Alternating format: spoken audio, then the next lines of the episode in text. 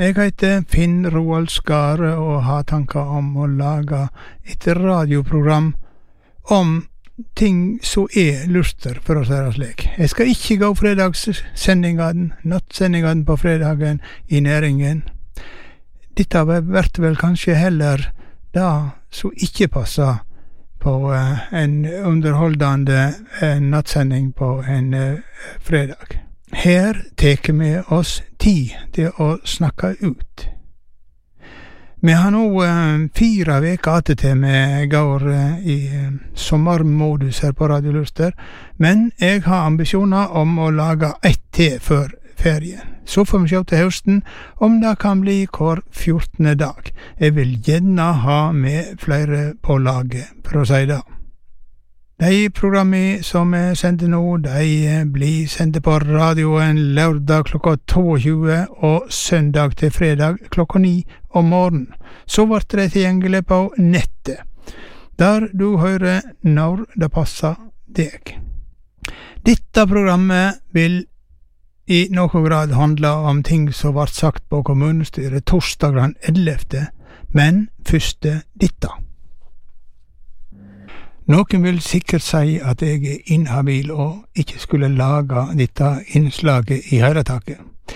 Det handler om virksomheten LMI i Gotn. Jeg har hatt deler av arbeidet mitt der mer eller mindre i over 30 år. Men jeg føler jeg kjenner så mye til denne virksomheten som folk flest ikke veit, og hadde hatt godt av å få vite. LMI lager først og fremst rørkonstruksjoner i metalltypen duplex, som et slags rustfritt stål. Der er de verdensledende i, sier de som har greia på det. Dette var mi mening om eh, virksomheten. Nå kommer det mer utfyllende ifra eh, hovedkunden Nettno, Skjell. Her er Ørjan Ellingsen. Ja, jeg eh, er prosjektingeniør for Shell, og eh, jeg eh, har jobbet på Ormen Lange i seks år. Og har òg bakgrunn som materialingeniør. Og LMI representerer jo et selskap som leverer nøkkelkomponenter til Ormen Lange. Og de nøkkelkomponentene, det er eh, de røyra som skal produsere eh, og sende det produktet som vi henter ut fra reservoaret, til Nyhavna og videre til eksport. Eh, og eh, for oss i Shell så, så, ser vi på LMI som eh, en nøkkelleverandør innenfor fabrikasjon av duplex-stål, som er det stålet vi bruker til, til de røyra som skal stå subsea i de neste 20-30 åra. Eh, og det materialvalget er grunna i eh, både god styrke, men òg eh, veldig gode korrosjonsegenskaper og, og, robusthet i forhold til de truslene som, som, eh, som de røyra må overleve i subsea. Vi hører ofte at det blir skrytt eh, etter at en jobb er ferdig. Og og det kan, skryt kan jo være så mange grunner til det. Men, men er, er LMI spesielt flinke på dette her? Ja, det vil jeg si. Eh, jeg har eh, jeg har litt mer enn ti års eh, arbeidserfaring. Jeg har vært på mange sider og hos mange fabrikatører. Jeg vil si at uh, fra et uh, fabrikasjonsperspektiv så er LMI i verdensklasse når det kommer til fabrikasjon av, av dette materialet. Og de har uh, både kunnskapen og kulturen til å gjøre det på en, en, en robust og forsvarlig og kompetent måte. Som gjør at vi som operatør av feltet kan ha tillit til, til, til den installasjonen som skal stå og å, og virke de neste 20-30 åra. Så eh, håper å si, vi, vi, er stolte av å ha LMI med på laget som, eh, som en nøkkelleverandør under One Subsea eh, sitt, eh, sitt, sitt, lag. Det er enkelte som kommer og skryter og sier da at eh, LMI faktisk er et kjent navn internasjonalt og innenfor Shell? Ja, altså vi, vi har jo eh, i, internt i vårt selskap, som jo er svært, som mange eh, er klar over, så, så har eh, Duplex eh, Stål et, et, en, en, spesiell stilling i den forbindelse at eh, vi alle vet at det er et sensitivt materiale. Det må behandles riktig. Eh, og sånn sett så er på en måte den arbeidskulturen og, og den, den omhyggen som blir vist til, eh, til materialet og de prosessene dere gjør her oppe, eh, det, det blir lagt merke til. Fordi eh, dimensjoner eh, er noen av de største i industrien. Eh, vi sveiser 60 mm vegg. Eh, og ikke minst langt tynnere vegg. Men, men det er en, en, en kompleksitet i rørfabrikasjonen som, eh, som blir eh, håndtert på en veldig god måte. Så sånn sett så får det så resonnerer det internt i selskapet utover landegrensene. Eh, og folk ser til LMI at det, her skjer det eh, gode ting. Og så er det jo eh, plassert langt inn i Sognefjorden og langt ifra all slags marked. Er det et problem? Nei. Det er ikke det. Eh, de prosjektene vi jobber med, har jo et 20-30, eh, eh, gjerne enda lenger, års perspektiv. Så om det er snakk om en, en, en, halv dag eller en dag ekstra i transport, så oppleves ikke det som en utfordring for, for prosjektet sin totalitet. Og jeg vil si tvert imot så tror jeg at det, det faktum at LMI er plassert der det er, er en av styrkene til LMI. Fordi dere er i stor grad eh, skjerma av eh, holdt på å si, storsamfunnets eh, mas og, og, og, jag. Og dere får tid og rom til å, å jobbe etter eh, riktige prosesser. Og ikke minst bygge en kultur og et lag som, som leverer i verdensklasse. Så Sånn sett så tror jeg at plasseringen egentlig er et konkurransefortrinn. LMI hadde nettopp jubileum. Og Da fant de ut det var 40-årsjubileum. Da fant de ut at eh, nå skal vi gi de ansatte som har vært 30 år i arbeid her, de skulle få uh, denne Norges Vel-medalje for lang og tro tjeneste. En tredjedel av de ansatte hadde vært her i mer enn 30 år. Uh, det betyr kanskje òg noe for at du kan jobben din? Absolutt. Kontinuitet har i hvert fall jeg personlig veldig tro på. og, og Eh, det merker du når du kommer og besøker LMI. At det, det, er kontinuitet i veggene. Det er kontinuitet i blikkene til folk. Det, eh, folk som jobber her, er, er, ikke innleide. Det er ikke rotasjonsbasert. Det er eh, en, en, kunnskapsspiral og en kulturspiral som er positive. og det jeg håper jeg, ja, som, som, som, kunde, og som kanskje litt flyktig innom her i, i i tide og utide, så, så, så, legger man merke til det. Eh, at det er, en, det er, en, ro i det arbeidet som skjer her, som som, eh, som, eh, som prosessene nyter godt av. da. Du må si litt om det Ormen Lange-prosjektet som du driver med. og Her blir det laga rør for rør og skal inn i noe utrolig svært når vi ser det i dag. Du har, har vist folk her hva alle stubbene skal hen til slutt på Nordsjø, ja. i Nordsjøen. Fortell litt. Ja, Ormen Lange det er et felt som ligger tolv mil eh, vest for, eh, for Molde. Eh, nærmere bestemt en liten øy som heter Gossa. Og der ligger det et landanlegg som heter Nyhamna.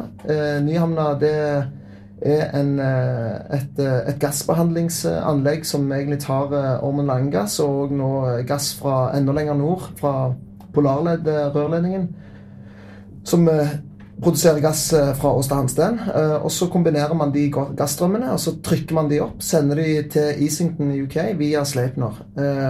Og det prosjektet som, som vi nå holder på med, som heter Ormen Lange fase 3, det er en, en en økt reservoarutnyttelse på ca. 10% og det høres kanskje lite ut, men med de volumene som det er snakk om, så er det enormt svære tall. Eh. Så eh, Ormen Lange og Nyhamna står jo for eh, ca. 15% av dagens energimiks i UK, eh, som er betydelig. Og eh, i dagens geopolitiske klima så, så skjønner man at det, at det er viktig. Eh, og disse røra som eh, LMI sveiser, og modulene som eh, LMI sveiser og installerer, de skal settes ned på ca. 900-950 meters havdybde. Og tanken er at de skal stå der og operere med helt minimalt av håper jeg, tilsyn eh, de neste 25 åra, minst. Så eh, vet vi jo at framtiden er usikker, og det kan bli eh, både levetidsforlengelse, og det kan kanskje bli sett på som mulighet for å knytte til seg andre, andre ressursrike si, felt og områder i, i, i framtiden. Men men dette er en, en Ormen fast 3-prosjekt er jo en, en, nøkkel for å, å, å drive eh, med, med, gasseksport til, til, til, Storbritannia de neste 10-20-30 åra. Den som vært i Gaupne, eller som har kjørt gjennom Gaupne i siste tiden, den har sett at det er kommet opp et et kvitt, høyt og, og, smalt hus helt ned i stranda her på LMI. Eh, og det er ikke et hus. Men uh, fortell hva det er. Det er nesten litt eh, verdensunikt, det òg. Fortell hva som er i Det hvite huset. Ja, vi, vi, hadde jo en seanse her tidligere i, i år, og, og, vi så på sammen med One Subsea og, og, og LMI, og vi så jo fort at det, dette blir svære greier. Eh, så vi døpte det Lystra-katedralen, da. Eh, men det er altså en, en, et stillas eh, med en presenning rundt som står eh, og beskytter eh, to subsea kjølere av 14-15-16 meter totalt. Eh, og hver av de kjølerne har et, et kjøleareal på 500 kvadratmeter og, og inneholder kan, kan, ta 15 standard kubikkmeter med, med, med ja, 15 000 liter med vann. Det, er et betydelig volum og betydelig kjølere. Og, og, til dags dato så er det verdens største subsea-kjølere som, som, står og, og, og, blir montert nede på kaia her i, her i uh, området. Så det Ja. Det er ulike grunner til det, til det hvite teltet rundt, men, men, uh, men det er, det er svære greier. Og, det, disse modulene de skal ferdigstilles her før de sendes ned til OneSubsea Horsøy, som er en, en liten øy eh, utafor Bergen. Og der skal OneSubsea kjøre SIT-testing og, og, og sette, sette, det inn i uh, assembly, altså inn i, inn i kompressorstasjonen der, det, der den modulen skal stå. Så nei, det er imponerende. Mm de kjølerne, det, det, det, vi gjør subsea med, med, med, gassen, det er at vi trykker den opp. Eh, og når vi trykker den opp, så tilfører vi store mengder med varme. Når vi tilfører gassen eh, store mengder med varme, så betyr det at, at han, han, tar et større volum. Eh, og vi får òg løst mye væske i den gassen. I tillegg så vet vi at hvis vi ikke hadde hatt kjølere, så ville vi hatt problemer med å, å møte temperaturbegrensninger senere i systemet. Sånn at disse kjølerne de gjør i korte hovedtrekk tre ting. Det ene er å, å dra ned volumet, som er å øke produksjonen. De reduserer væskemengden i gassen, som er med å, å mitigere f.eks. korrosjonsproblematikk. Og så tar de ned temperaturen, som gjør at de si, importrørledningene fra Ormen og inn til Nyhamna kan operere trygt. De, de har en, en begrensning på på en, en viss temperatur. Så, så, eh, alle de tre funksjonene er, er helt nødvendige at de kjølerne som blir lagd her i Lysta, at, at, de oppfyller. Så det, det er ytterst kritiske utstyr uh, som, blir, som både blir lagd her, men som òg skal senere ned til Horsøy for å bli testa. Og at man får en, en, en, en ordentlig dokumentasjon på effekt og ja. Dette er en kjempestor jobb for eh, LMI. Er de i ruta, og har du tro på at de kommer i mål? ja, ja det, det, det, er, det, er et, eh, det, er, et, svært prosjekt, som du sier. Og, og, og, det er svært for alle parter. Og Vi er et, et, lag på tvers av Shell, OneSubsea og LMI som, som, som, hele veien ser på det løpet vi har foran, foran oss, og legger, legger planer for å, å, å, løse eventuelle utfordringer på best mulig måte. Så at vi kommer i mål, det er jeg helt sikker på. Om det blir på eh, den nøyaktige datoen som eh, vi så for oss for eh, tre-fire år siden, det er jeg mer usikker på. Men i det store og lange løp så, så kommer å komme i mål. Det var Skjell si mening og Skjell sine erfaringer med LMI da. Det er mange inspektører fra mottakerne av produktene som oppholder seg her i Gopten til stadighet. Mange blir òg buende her mer eller mindre fast. Her er et noe eksotisk eksemplar. Han er jo til de grader en som har funnet seg til rette her.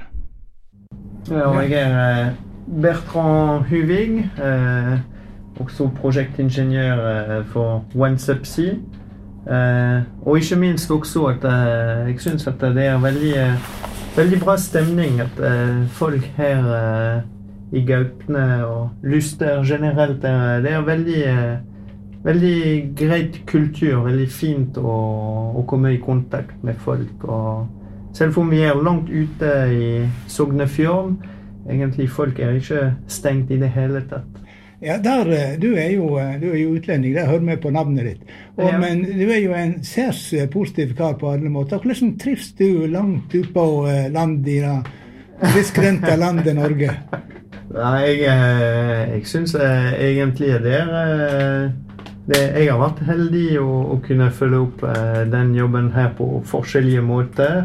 Ikke minst fordi natur her er helt fantastisk. Dere er veldig heldige med fjell rundt og snø og alt. Og eh, jeg syns at eh, natur er veldig fint, og ja, folk er eh, igjen veldig, veldig trivelige. og sånn jeg, jeg, trives veldig godt her i Gaup. Ja, for du har vært her mye, og du er på fornavnet med alle sammen? Ja, jeg har, jeg har vært her mye nå, så hver gang jeg prøver å oppleve litt av ting her. Molden, Vårfjellet, Lustrabadet, Nigardsbreen, sanatorium, forskjellige.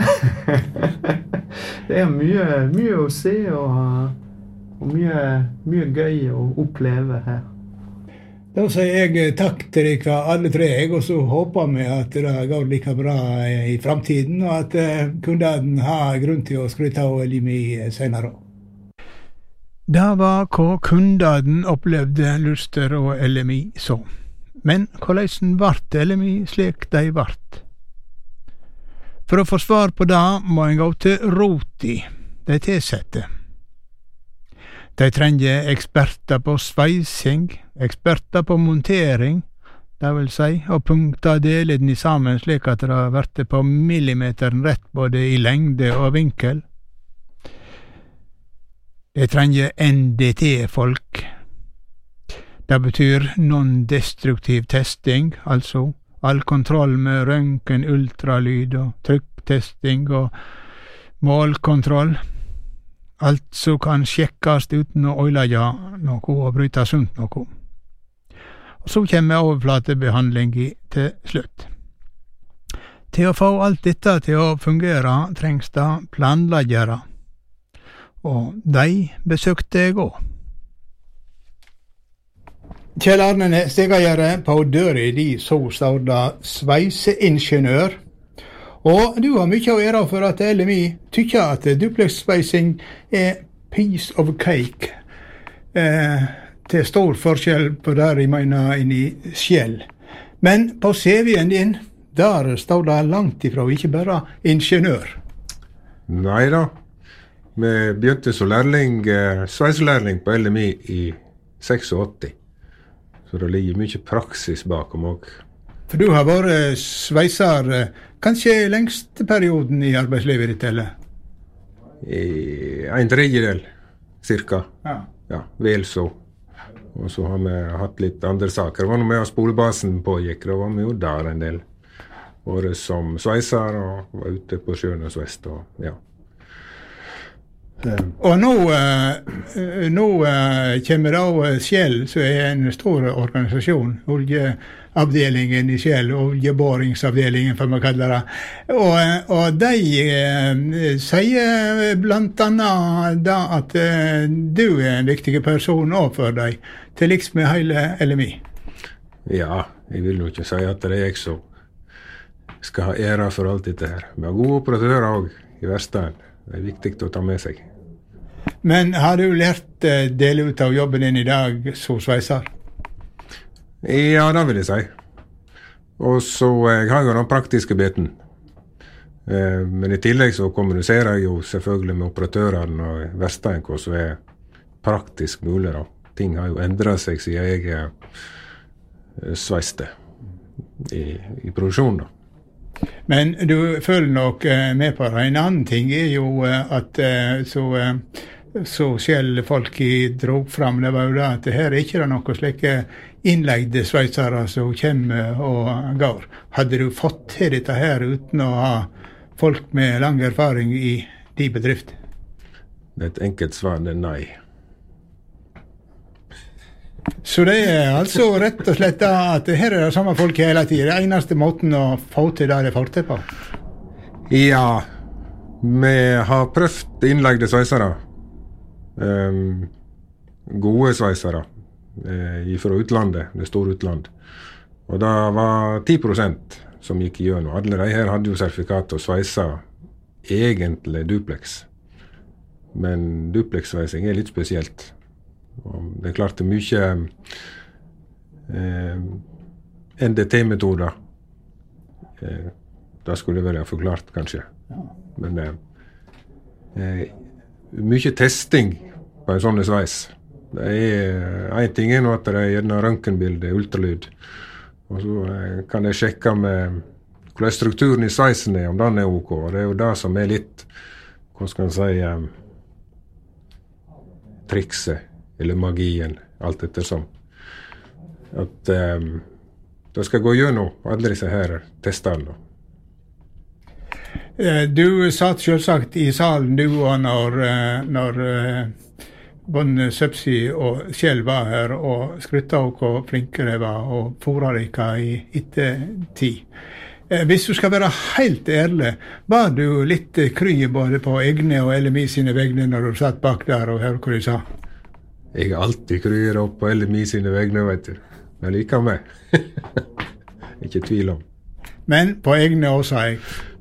Ja, men som sagt, jeg er ikke Jeg sitter ikke alene på min høye hest og skal liksom slå meg på brystet for at det er jeg som har gjort det. Men, Men det- Men det kan være en eh, sivilingeniør ute i verden som av og til ringer deg og spør uh, hvordan de gjør med dette. eh, Det er rett som det er at det gjør det. Da er jeg kommet på kontoret til han Svein Hatlevold, og på de dør står det prosjektleder. Men på CV-en din så står det helt sikkert ikke bare prosjektleder heller, for du òg har gått graden til de grader på LMI. Ja, jeg begynte eh, som lærling som sveiser.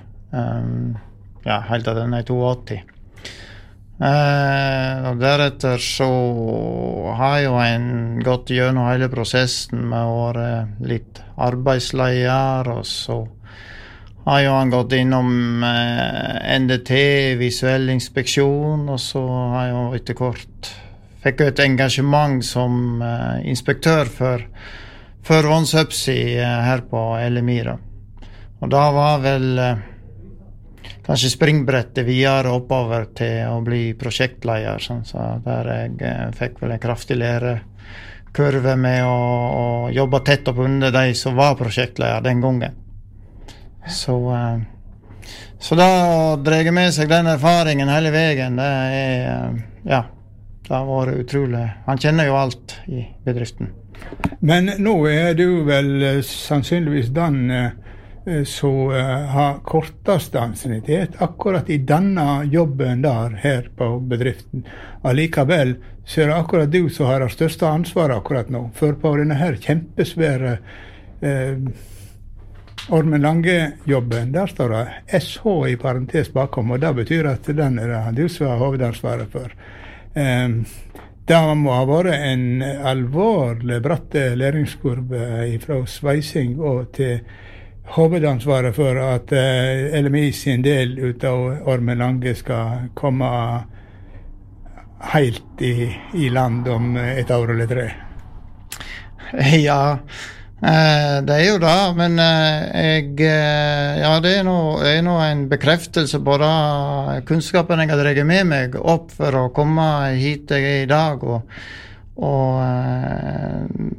det er viktig i denne sammenhengen her. Sånn, så dette med, jeg var jo faktisk med da når vi hadde testsveisingen på, på kjøleren tilbake i 2012, som er egentlig Eh, hva skal si eh, eh, det viktigste i dette prosjektet. Og, og da drar det med seg helt Det, er liksom ett av tingene du drar med deg inn i dette, blant my mye av det andre, da, kan du si. Så, så det er Men ja. Det, det er ære for, for ha dette store prosjektet. Jeg eh, spør deg da, samme som han Kjell Arne. Jeg, eh, de hadde besøk ut av OneSubsea og uh, Kjell, og det ble skrytt uh, oppe i skyene, både personlig og bedrift. Var du litt kry da du satt der på bakerste benk og hørte hva de sa? Ja, altså det er klart at det er alltid kjekt å få bekreftelse og, og, på det en driver med. Så, uh, så ikke tvil om det, selv om, uh, om det høres noe litt voldsomt ut for oss sogninger. Men det er jo et kjempeprosjekt. vi fikk jo se hva det skal bli til. Og LMI sine røyre er jo helt avgjørende i dette her, så du må jo bli litt overvelda av hele prosjektet? Ja, jeg eh, så jo dette Dagsrevyen-innslaget der de visste hele konseptet, kan du si. Som blir sett ned på havbunnen ute på Ormelangård. Du så alle de komponentene med våre røyre som skal ned der. Så sitter du og tenker at dette her eh, sitter du og har et ansvar for produksjon av disse røyrene. Og det er klart at du får et Ja, det er et stort bilde i dette her, altså. Men det gikk ikke utover nattesøvnen?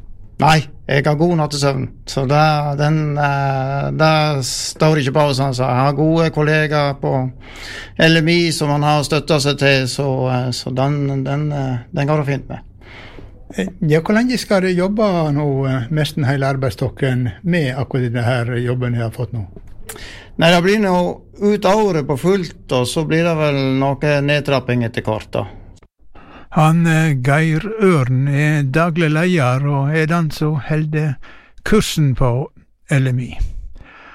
Han òg var nok stolt over hva skryt de kunne få ifra innsatsen i et så stort prosjekt og komplisert eh, prosjekt som Ormen Lange, og for kvaliteten generelt.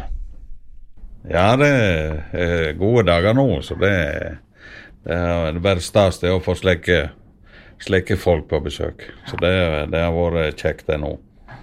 Ja, for eh, det var ikke måte på hva, eh, hva de verdsetter LMI, sjølfolk som var her. Hvordan var det å sitte der og høre på det, og høre og vite at alle de tilsatte her fikk bare ros? Ja.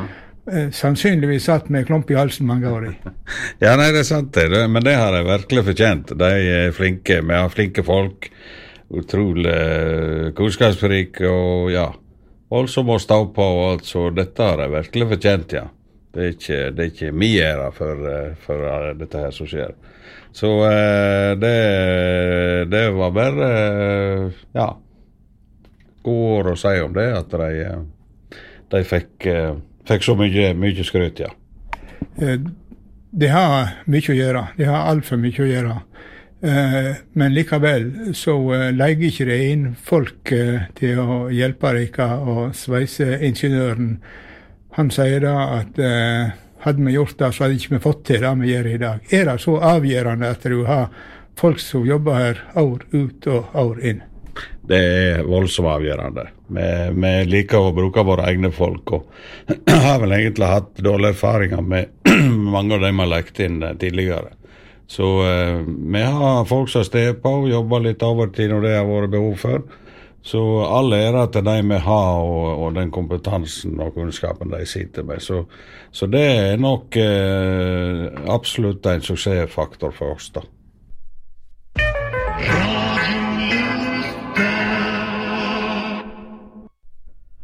Torsdag den 11. var det kommunestyremøte, og der skal jeg få høre om to saker. Ny barnehage på Hafslo kommer snart, men første og UK, som det heter, Ungdommens kommunestyre, de la fram årsmeldinga si og fortalte om hva UK driver med. Først lederen Oda Bertine Bondevik. Ja, jeg er da Oda Bertine. Jeg er leder av Ungdommens kommunestyre. Eh, og jeg skal begynne litt. Eh, vi skal snakke litt om hva saker vi har hatt om, hva vi syns er veldig fint med kommunen, og hva vi kanskje tenker kunne vært litt bedre. Noe vi i Ungdommens kommunestyre har jobba veldig mye med, er rekruttering. Da at ungdommen i Luster vet om oss og vet hvem vi er. Vi begynte i fjor rundt denne tiden med at vi reiste rundt på alle ungdomsskolene eh, og snakka om oss. Rett og slett hadde en powerpoint-presentasjon om oss. Um, og snakka om hvem vi driver på med, hvem vi er, hvordan vi tar kontakt. Masse forskjellig. Eh, og så etterpå, når vi kom ut på høsten, eh, så ville vi starte Instagram. Så da fikk vi òg til. Eh, så for de som ikke følger oss, så har du en gyllen mulighet nå. Det er bare å skanne. Eh, og den bruker vi til å vise hvilke saker vi jobber med, og hva som skjer rundt omkring i kommunen eh, for ungdommer. Eh, så den har vi brukt ganske masse. Eh, og som du kan se på alle der fra UK, så har vi òg fått egen UK-logo og merch. Alle har genser. Så det syns vi var veldig gøy. Sånn at folk, når vi reiser rundt på forskjellige ting, ser at ok, der er UK, da vet vi hvem de er. Eh, og så har vi òg vært en del i Lustra Nytt. Det er en måte å rekruttere da, med ulike saker, f.eks. LAN. Eh, var jo en sak så var i Lustra Nytt. Eh, så det er noe vi bruker en del. Eh, vi føler vi har veldig godt samarbeid med kommunestyret. Viktigste er jo Anita, fordi hun er både sekretær til begge. Eh, så vi har en sånn eh, god kontakt gjennom. Eh, pluss at jeg har vært på besøk og snakka, pluss at vi får være her. Eh, og vi føler at vi blir hørt, og at vi har god stemme i Luster. Så det syns vi er veldig fint. Eh, noe, vi har lyst til, noe vi jobber for, noe som vi har lyst til at skal bli bedre, er da å få ungdommene tilbake igjen. Eh, at når de da reiser og studerer, da får de tilbake igjen. Og da handler det om å ha gode lærlingplasser, mange lærlingplasser, og gode arbeidsplasser, eh, sånn at de har en fin, eh, fin plass å jobbe. Eh, men det handler òg om at de har en plass å bo som ikke er altfor dyrt. eller ikke er, rett og slett sånn at de kommer seg inn i boligmarkedet. da. Eh, så det er jo noe vi vil at skal være fokus på.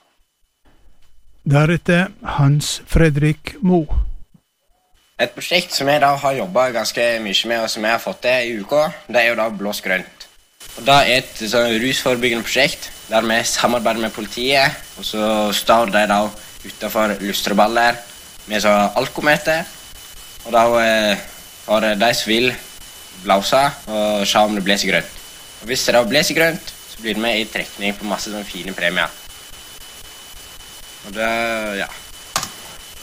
Kultur- og sports-TV. Vi i uka vi var så fornøyde eller ja, vi var så fornøyde med de sports-T-boy og T-boy som er her i kommunen. Og Der er det da f.eks. ungdomsklubbene som jeg var så fornøyd med, som jeg har fått til nå. Og så er det òg masse ulike idrettslag og voldsomt mye utnytting av alt. Og så har vi òg vært med og sett litt på sånn motorsport. Det er, noe med TKP her, vi er interessert i. Og så er det òg så mye andre. Men noe vi savner, det er da litt bredde og generasjonstreninger. Og så noe jeg òg savner litt, det er mer utnytting av lustrebadet.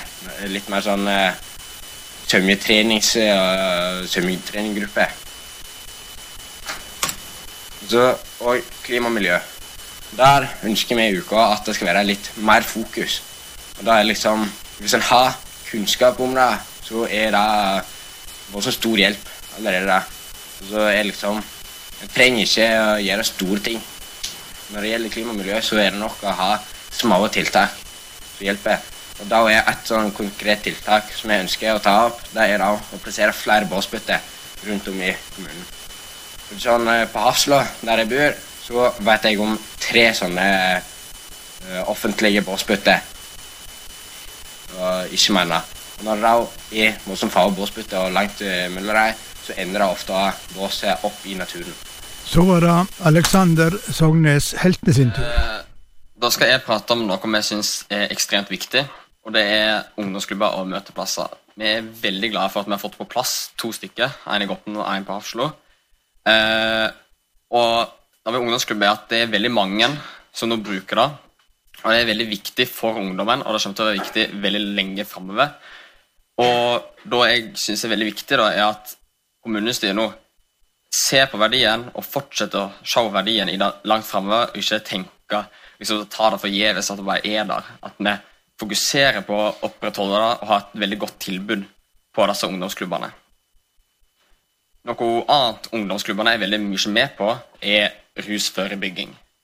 Eh, og Rusforebygging er noe vi har jobba veldig mye med. Da vi har hatt eh, ja, et eget temamøte da, på eh, rus. da, da vi har hatt besøk av politi og erfaringskonsulenter, oppvekst- og ungdomsskolene.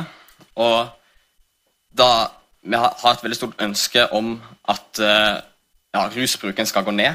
Eh, og da har vi diskutert noen ulike tiltak for det. Det er jo virkelig eh, å ha rusundervisningen at det skal gå i yngre alder. At det skal være mer fast, små drypp istedenfor bare en stor informasjonsdump på liksom dag.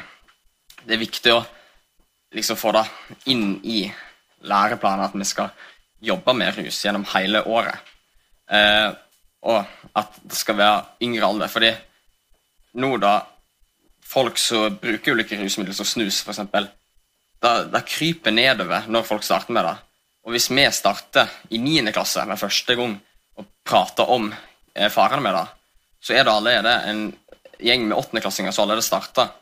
Og for dem, da, når det starter, så bryr de seg nesten ikke om hva politiet eller andre sier til dem. Fordi det, da bryr de seg ikke om konsekvensene lenger. Da, vi må være liksom på plass før de starter å bruke det. Eh, også noe annet som vi eh, har lyst til å fokusere på i undervisningen, det er at det ikke skal være flaut at liksom, en lærer prater om eh, alt sammen som har med seksualitet å gjøre. Eh, da, hvis en elev kommer da i klassen, da, og så er læreren flau når han prater om sex, så blir jo elevene flaue òg. Og det er jo ikke riktig. Elevene skal ikke være flaue for å prate om kroppen deres. Det er jo helt naturlig. Eh, og Derfor er det veldig viktig at vi liksom ser på lærerne hvem som passer til jobben. Det er noen selvfølgelig som kanskje syns det er litt ekkelt, og da er det litt feil at vi skal gi dem jobben om å prate om det. Da kan vi finne de som ja, føler seg komfortable med å prate om slekt. Eh, og det er jo veldig masse virkemidler vi faktisk om å prate om det. Eh, det er jo, Hvis folk er mer klar over sin egen seksualitet og hva som er greit og ikke, så det, blir det bedre på grensesetting, og de tør å si ifra hvis det er noe galt som har skjedd. Uh, og det synes jeg er veldig viktig. Uh, ja, også, og her da, så har vi lyst til å ha det ned i yngre alder, eh, yngre alder fordi uh, folk må jo helst vite om det så tidlig som mulig. da. Eller, Vi skal ikke lære treåringer om sex, eller noe. men det er slik at når det kommer på ungdomsskolen, da de er usikre på mange ting, jeg synes vi burde ha informasjon klar til dem, slik at de føler seg sikre på hva som er riktig og ikke. Og så er det litt det samme at vi har lyst til å ha litt smådrypp, fordi da eh, det er ofte på ungdomsskolen da, så er det veke seks. Da er det seksualundervisning. Eh, og da er det veldig masse informasjon på veldig kort tid. Eh, og da er det veldig masse av det som forsvinner, og vi, da klarer vi ikke å huske på det. Men hvis vi har litt og litt, gjennom hele skolegangen, så er det fester det seg mye mer, og vi føler at det er mer normalt å prate om det til daglig. Eh, litt videre til et litt mer lystigere tema. Eh, eh, og så ja, noe vi jobba med, er UKM, da, jeg står for Ung kultur møtes. Eh, da vi bidrar på både lokalmønstring og fylkesmønstringen. Eh, og eh, vi har òg prøvd å ha et eget, litt mer lokalt tilbud. Da vi prøvde oss på en kulturkveld. Da gikk dessverre ikke. Eh, det ble, da ble ingen påmeldte. Eh, og det er litt blanding av at vi kanskje var litt dårlige på reklamasjon, og at liksom oppstarten da er litt vanskelig å få i gang. Og så var det veldig kort tid fra vi liksom starta å reklamere for det, til det faktisk var tenkt at vi skulle ha den kvelden. da. Eh, men dette her er et prosjekt vi har lyst å jobbe videre med det, og se om vi klarer å få til at UKM skal ha en egen lokalmønstring i Luster, og at vi bedre kan samle kulturen i Luster, istedenfor bare å blande oss med Sogndal hele tiden. Den neste på talerstolen heter Marta Buksas Lerum. Ja, jeg heter Marta, og jeg skal snakke litt om eh, Luster ungdomstaxi. Og for de som ikke veit hva det er, så er det, går det ut på at man betaler 50 kroner for å kunne kjøre til og fra ulike uh, ting og arrangement som er i kommunen. Det kan være trening eller fotballkamp. Uh, ungdomsklubbene, selvfølgelig. Det er et go veldig godt tilbud som vi har da, når ikke kollektivtilbudet er superbra. Så vi, er veldig, vi i Uka er veldig fornøyd med det tilbudet. her, Så vi vil rose kommunen for at uh, vi har det. Um, ja. Men så er det jo alltid noe som kan bli litt bedre, da. Fordi det her er et tilbud som fylkeskommunen støtter. Og under korona så ble det ikke brukt like masse som før, selvsagt. Det kan man jo forstå. Men etter gjenåpninga så ble det veldig masse brukt. Og det her gjorde til at ja, man trenger rett og slett mer støtte da, til det tilbudet. Og for å holde det tilbudet her oppe. Og nå er det sånn at Sparebanken støtter oss, og det er vi veldig glad for. Men vi mener at det er kommunen som bør støtte. Vi bør ikke være avhengig av Sparebanken til å kunne holde det tilbudet der oppe. Og det er veldig viktig for oss at vi har det tilbudet her videre òg. Ja. Uh, men vi vil jo skryte litt av kommunen òg, um, fordi vi skulle oppsummere eller tenke over i uka hva er det vi er fornøyd med i Luster. Og da var det det her med at vi har så mange barneskoler som uh, gjør det bedre. Og, eller at vi har kortere reisevei da, som barn. Jeg sjøl har gått på Skjolden, og da har jeg reisevei på 15 minutter kontra 40 hvis jeg måtte på en sånn stor skole i Gaupne. Og det er vi veldig, veldig glad for uh, at vi har. Og mindre skulder, det gjør jo som klart, som sagt, at vi får mindre reisevei, og man får et tettere bånd med læreren og en, en bedre læringsarena, mener jeg, ut av erfaring. Ja. Og den siste på talerstolen ifra UK heter Per Gunnar Mo. Ja, litt eh, hva vi har drevet med, da. Vi eh, var på fylkesting for ungdom. Eh, det er noe som blir arrangert en gang i året eh, over ei helg. Eh, I år var det på Flesland. Og Luster var godt representert. Jeg tror faktisk ikke noen andre kommuner som hadde flere representanter enn oss. Vi har fem stykker som vi ser her bildet her. da. Fylkesting for ungdom, bare for nett si hva det er for noe. da. Så er det kanskje det viktigste talerøret for ungdom i Vestland. da. Og eh, Formålet er jo at eh, en skal ivareta ungdom sine interesser og øke ungdomsengasjementet i fylket. da. Og Fylkestinget for ungdom det er på en måte litt som Ungdommens kommunestyre bare på fylkesbasis. da. At det er et rådgivende organ. I hvert fall så denne helga her så kom vi og vedtok et planprogram og budsjett og slikt. Uh, og så var det valg av det som heter Vestland ungdomsutvalg. Eh, så er på en måte det utøvende organet. da. Der stilte jeg til valg, så jeg ble valgt inn som andre vara. Ja. For å håpe på litt frafall, så jeg får være med litt. Nei da. Men vi hadde i hvert fall ei voldsomt kjekk og eh, lærerik helg.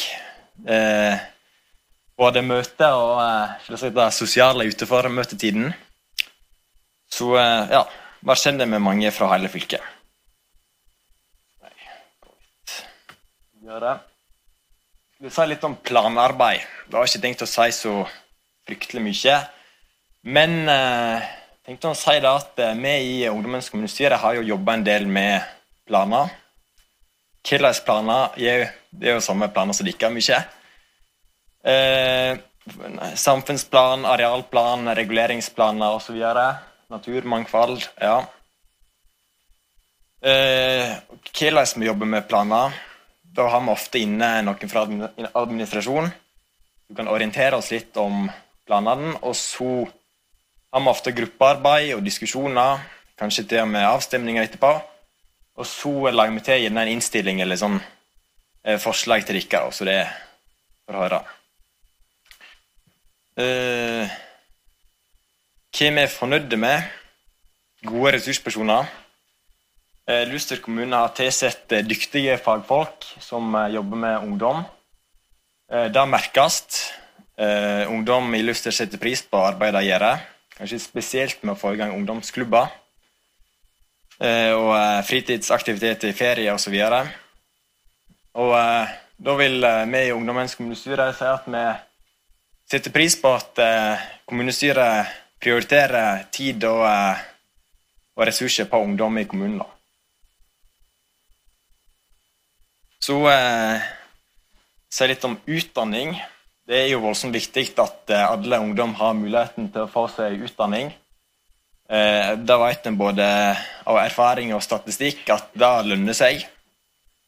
Eh, den nærmeste videregående skolen til Luster er jo Sogndal.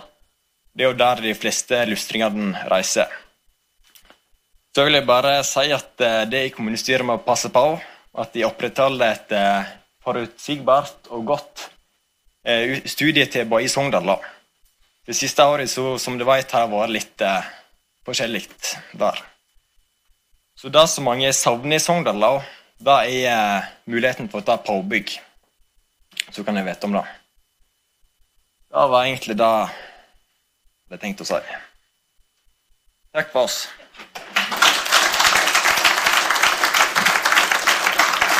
Uh, ja.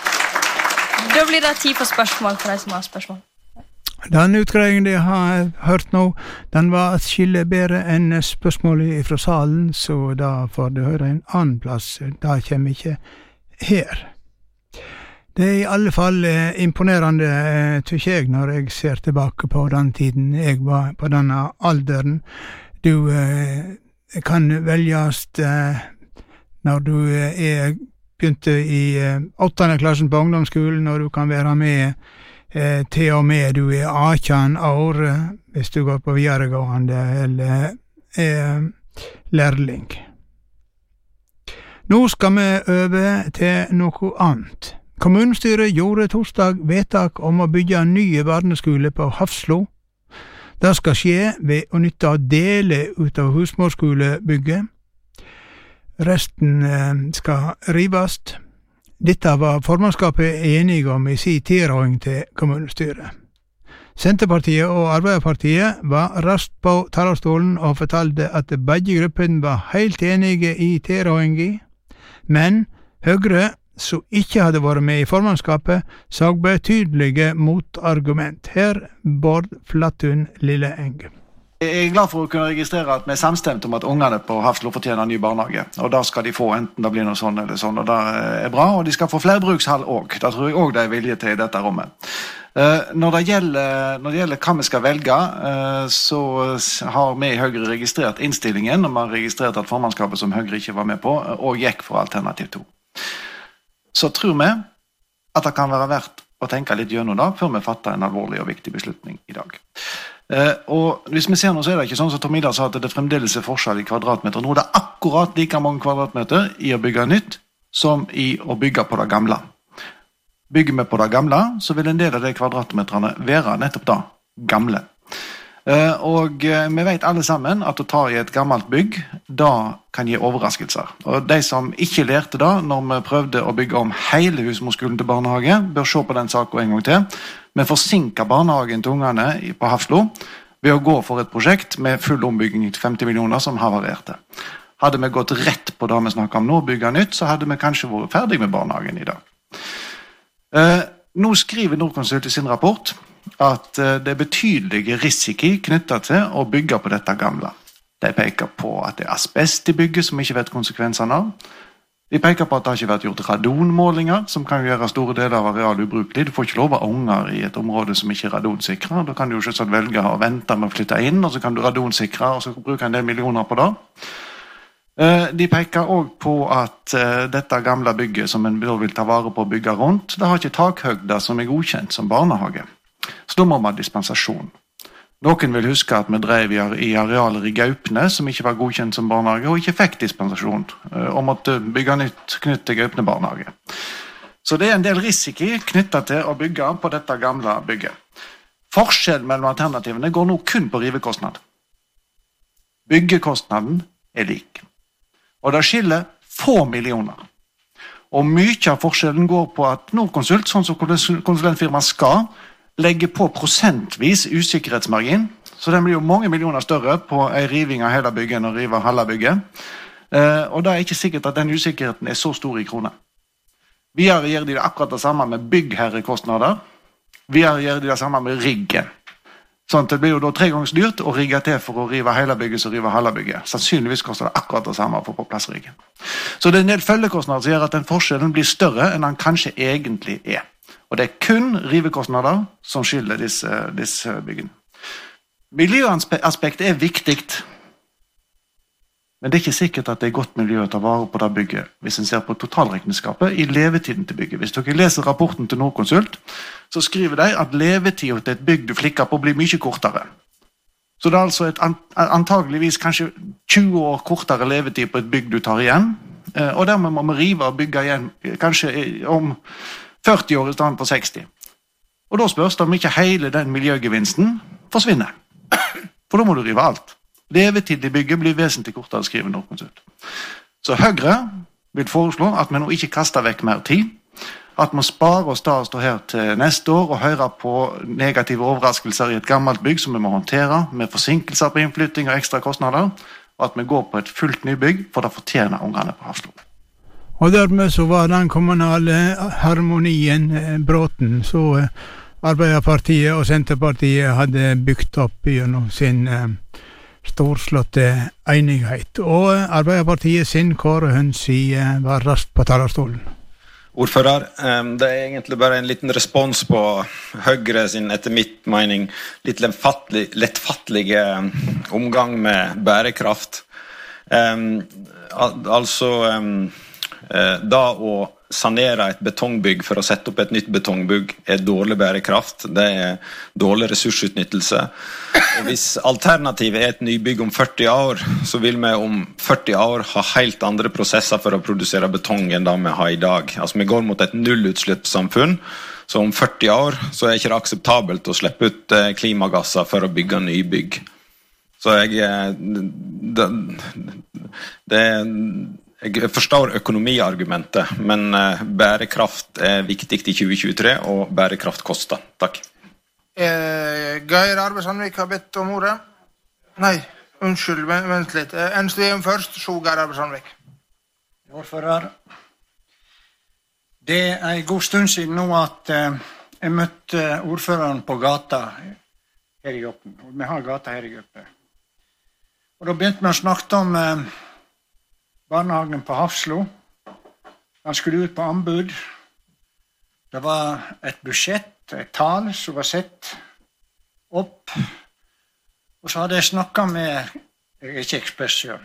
Går ikke på betongkåre eller på ja, Kanskje ikke klima heller, men iallfall så snakka jeg med en kompetent person som sa det at dette tallet som det opererer med, det er borti veggen. Dette sa jeg til ordføreren. Han trodde ikke noe på det. Så var vi ute med anbudet. Det ble dobbelt så mye som anbudet var kalkulert. Og Da satt vi her borte, ordfører, i et budsjettmøte, og vi fikk opplyst dette her. Og Da sa undertegna bestill gravemaskina. Det ble ikke gjort. Jeg måtte selvsagt se nærmere på dette her. En for eh, egen del jeg er veldig usikker i denne saken. her. Eh, jeg har sjøl vært med på å restaurere et gammelt bygg. Jeg angrer en dag i dag at jeg ikke reiv alt sammen. Eh, men eh, gjort er gjort. Jeg vil nå høre videre på debatten før jeg endelig bestemmer men Og det er både for og imot denne saken, selvsagt. Men at noen er så veldig skråsikre på at dette er den beste miljøvinsten med å bygge opp igjen det gamle, det er jeg veldig usikker på. Ja, takk. Da eh, er neste på talerlista eh, Geir Arve Sandvik. Eh, ja, ordfører. Eh, først til Jeg ba om ordet, men jeg kan jo ta en eh, kommentar til representanten Høns sier det å vite hva som er mest miljøvennlig om 40 år, det syns jeg er godt gjort å, å, stå her og vite i dag. Eh, at det er så mye bedre. Vi vet at eh, det er brukt store ressurser på en bedrift borte på Grandalen her eh, innenfor miljøbetong, så det finnes jo allerede i dag faktisk langt bedre løsninger på, klimamessig på miljøbetong enn det Luster kommune driver og bygger bygg med akkurat nå, f.eks. det nye næringsbyggene på Grandane, der vi ikke bruker miljøbetong. Eh, men det som jeg syns er mest bekymringsfullt her, da, det er jo det at hvis jeg leser direkte fra Norconsult takhøyde i plan null, det er usikker om det kan fravikes fra TEK i forhold til krav til takhøyde i plan null. Det vil i tillegg være utfordrende med tekniske føringer, men sannsynligvis mulig med nok tid til planlegging og prosjektering. Altså, sannsynligvis mulig. Det kan godt hende at det, det, er gjort eh, bedre, men kan vi risikere i forhold til at vi nå går videre, går ut på anbud, og så får vi faktisk ikke godkjent den takhøgden som er der. Eh, det er i hvert fall det konsulentene sier her, at det er en risiko. Ja takk. Da har jeg sett han Knut Hauge på talerlista, og så skal rådmannen få slippe til. Ordfører. Og det er klart, synspunkter Synspunktet som kommer fram fra Høyre, er viktig å ta med seg. Eh, nybygg er fortsatt nytt. Men det miljømessige i det, eh, det å renovere det bygget som står der, gjenbruk av flere areal, både i tredje etasjen i forhold til ungdomsklubb, vi har òg et fellesbygg som vi kan benytte mer av arealet som er nå. Og selv om Lilleng nevnte på i forhold til arealmessig bruken er lik, så har jeg forstår via rapportene tidligere at vi har også et større arealutnytting ved renovering, sånn som bygget står nå. Um, og det miljømessige i forhold til å rive hele greinen, om gjenbruk, er viktig. Eh, takkonstruksjoner kanskje kan være noe som vi slipper å gjøre noe med. Og det er en del andre gode ting med det. Og så sannsynligvis så, så vil det vise seg kanskje senere tid at dette ikke er 100 av beste løsning vi skulle ha gjort. Vi skulle sikkert gjort som Nenn sier, med gravemaskin tidlig. Men allikevel så er vi kommet i de prosessene med. Eh, ting går sakte, men eh, det er nå dessverre slik det er òg. En skal være sikker på det vi driver med. Og, eh, ja. Men vi eh, ønsker å stå fortsatt på det som gjelder, og at vi eh, går for renovering av eh, bygget på Hafslo. Ja takk. Da tror jeg vi slipper til Kåre òg, før rådmannen får uh, kommentere et par Ordfører, eh, bra at dette her blir litt eh, bærekraftdebatt òg. Det setter jeg stor pris på. Bare litt kommentarer til Høyre. Altså, Vi står nå i 2023.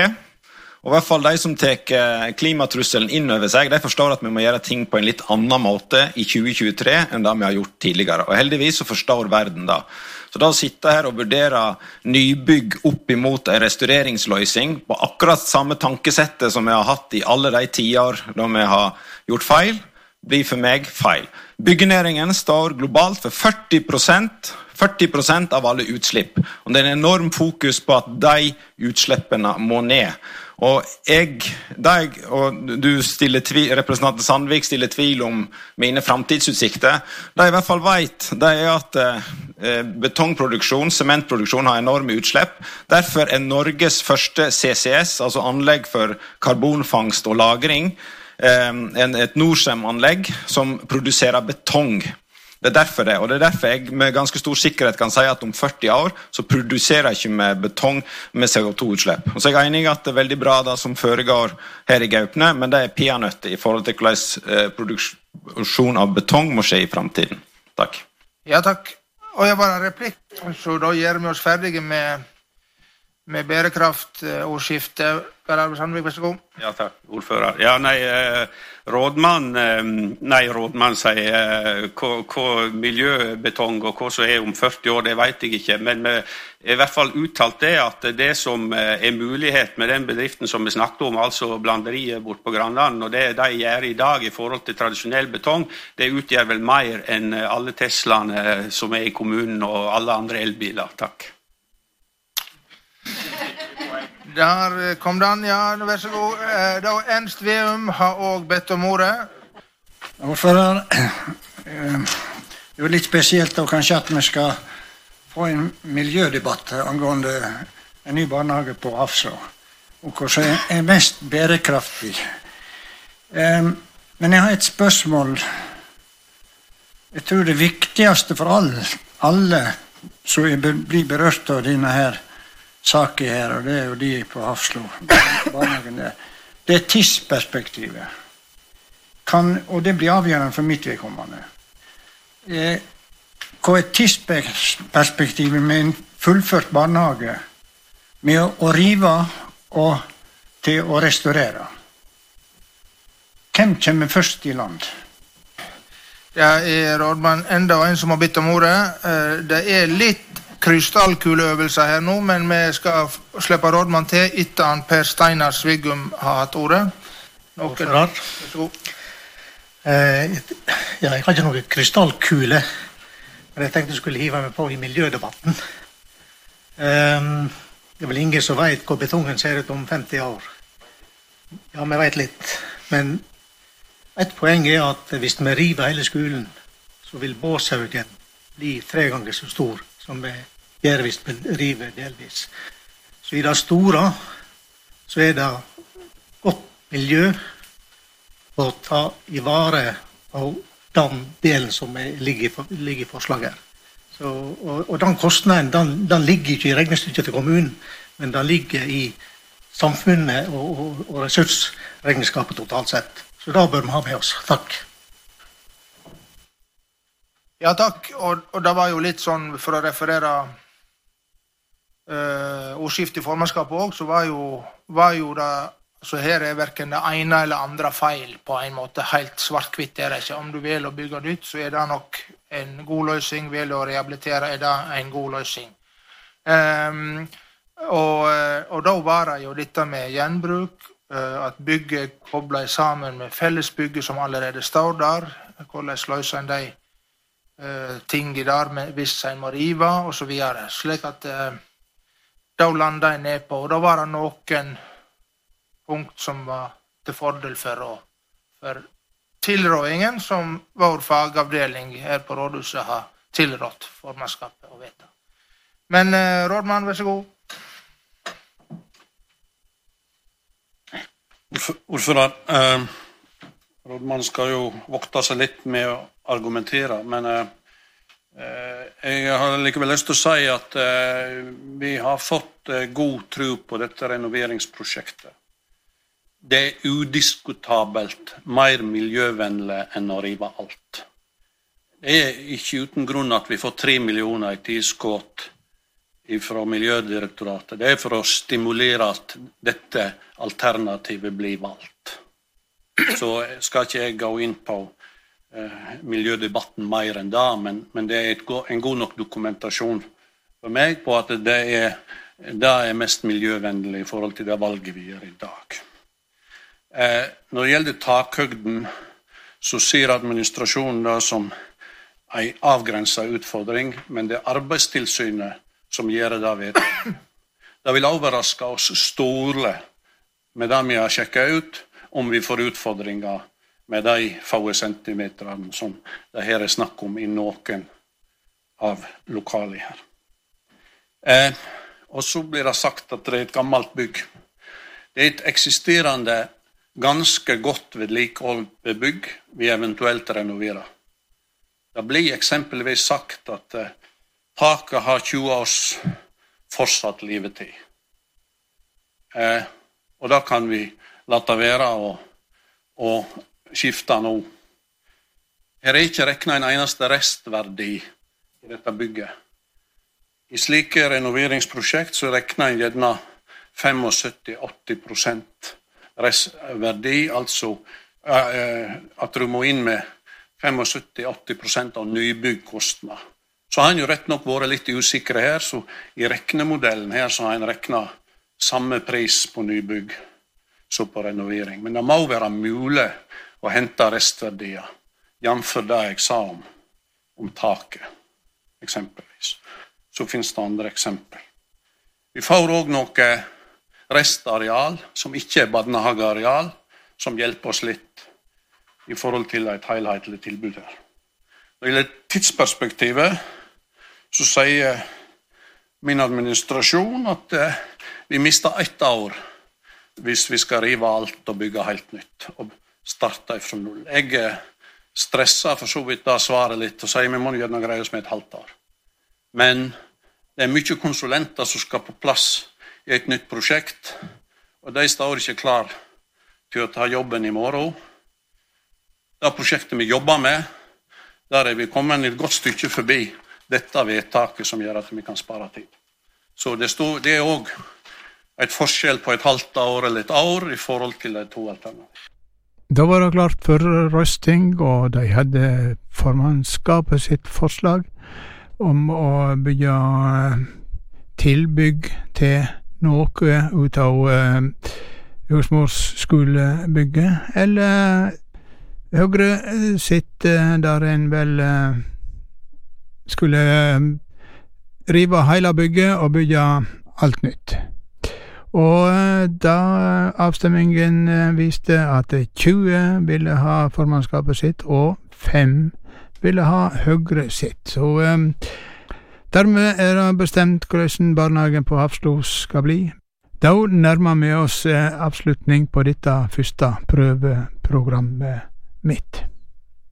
Å lage lokalradio på dugnadsbasis er jo litt leik, så redaktøren vår så ofte påpeker overfor oss. Jeg har leika meg litt med Edvard Grieg og Jakob Sande her, og det får bli avslutningen på dette programmet. Jeg skal ikke gløyme kvelden, august i kvelden, du veit. Jeg låg ut med stranda og pilka den tida da fisken beit. I vest sto ei diger kveldssol og lutte mot himmelrand. Men det var ei jordisk kveldssol som skein på ei jordisk strand.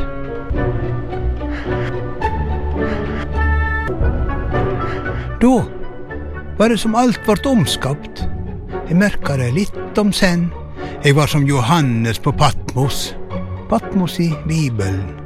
Former og farger skifte. På strender og firmament. Det som var kjent, vart ukjent. Det som var ukjent, kjent. Jeg så meg ikring, forbiina, og vendte meg først mot øst, der tempelet imot meg lyste i stedet for gamle naust.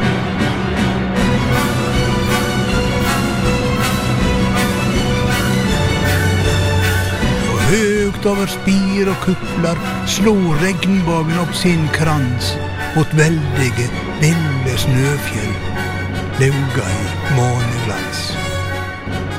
Da så jeg kometen komme, han kom som en storm fra sør, og drog over himmelkvelven sitt blodrøde ris av glør.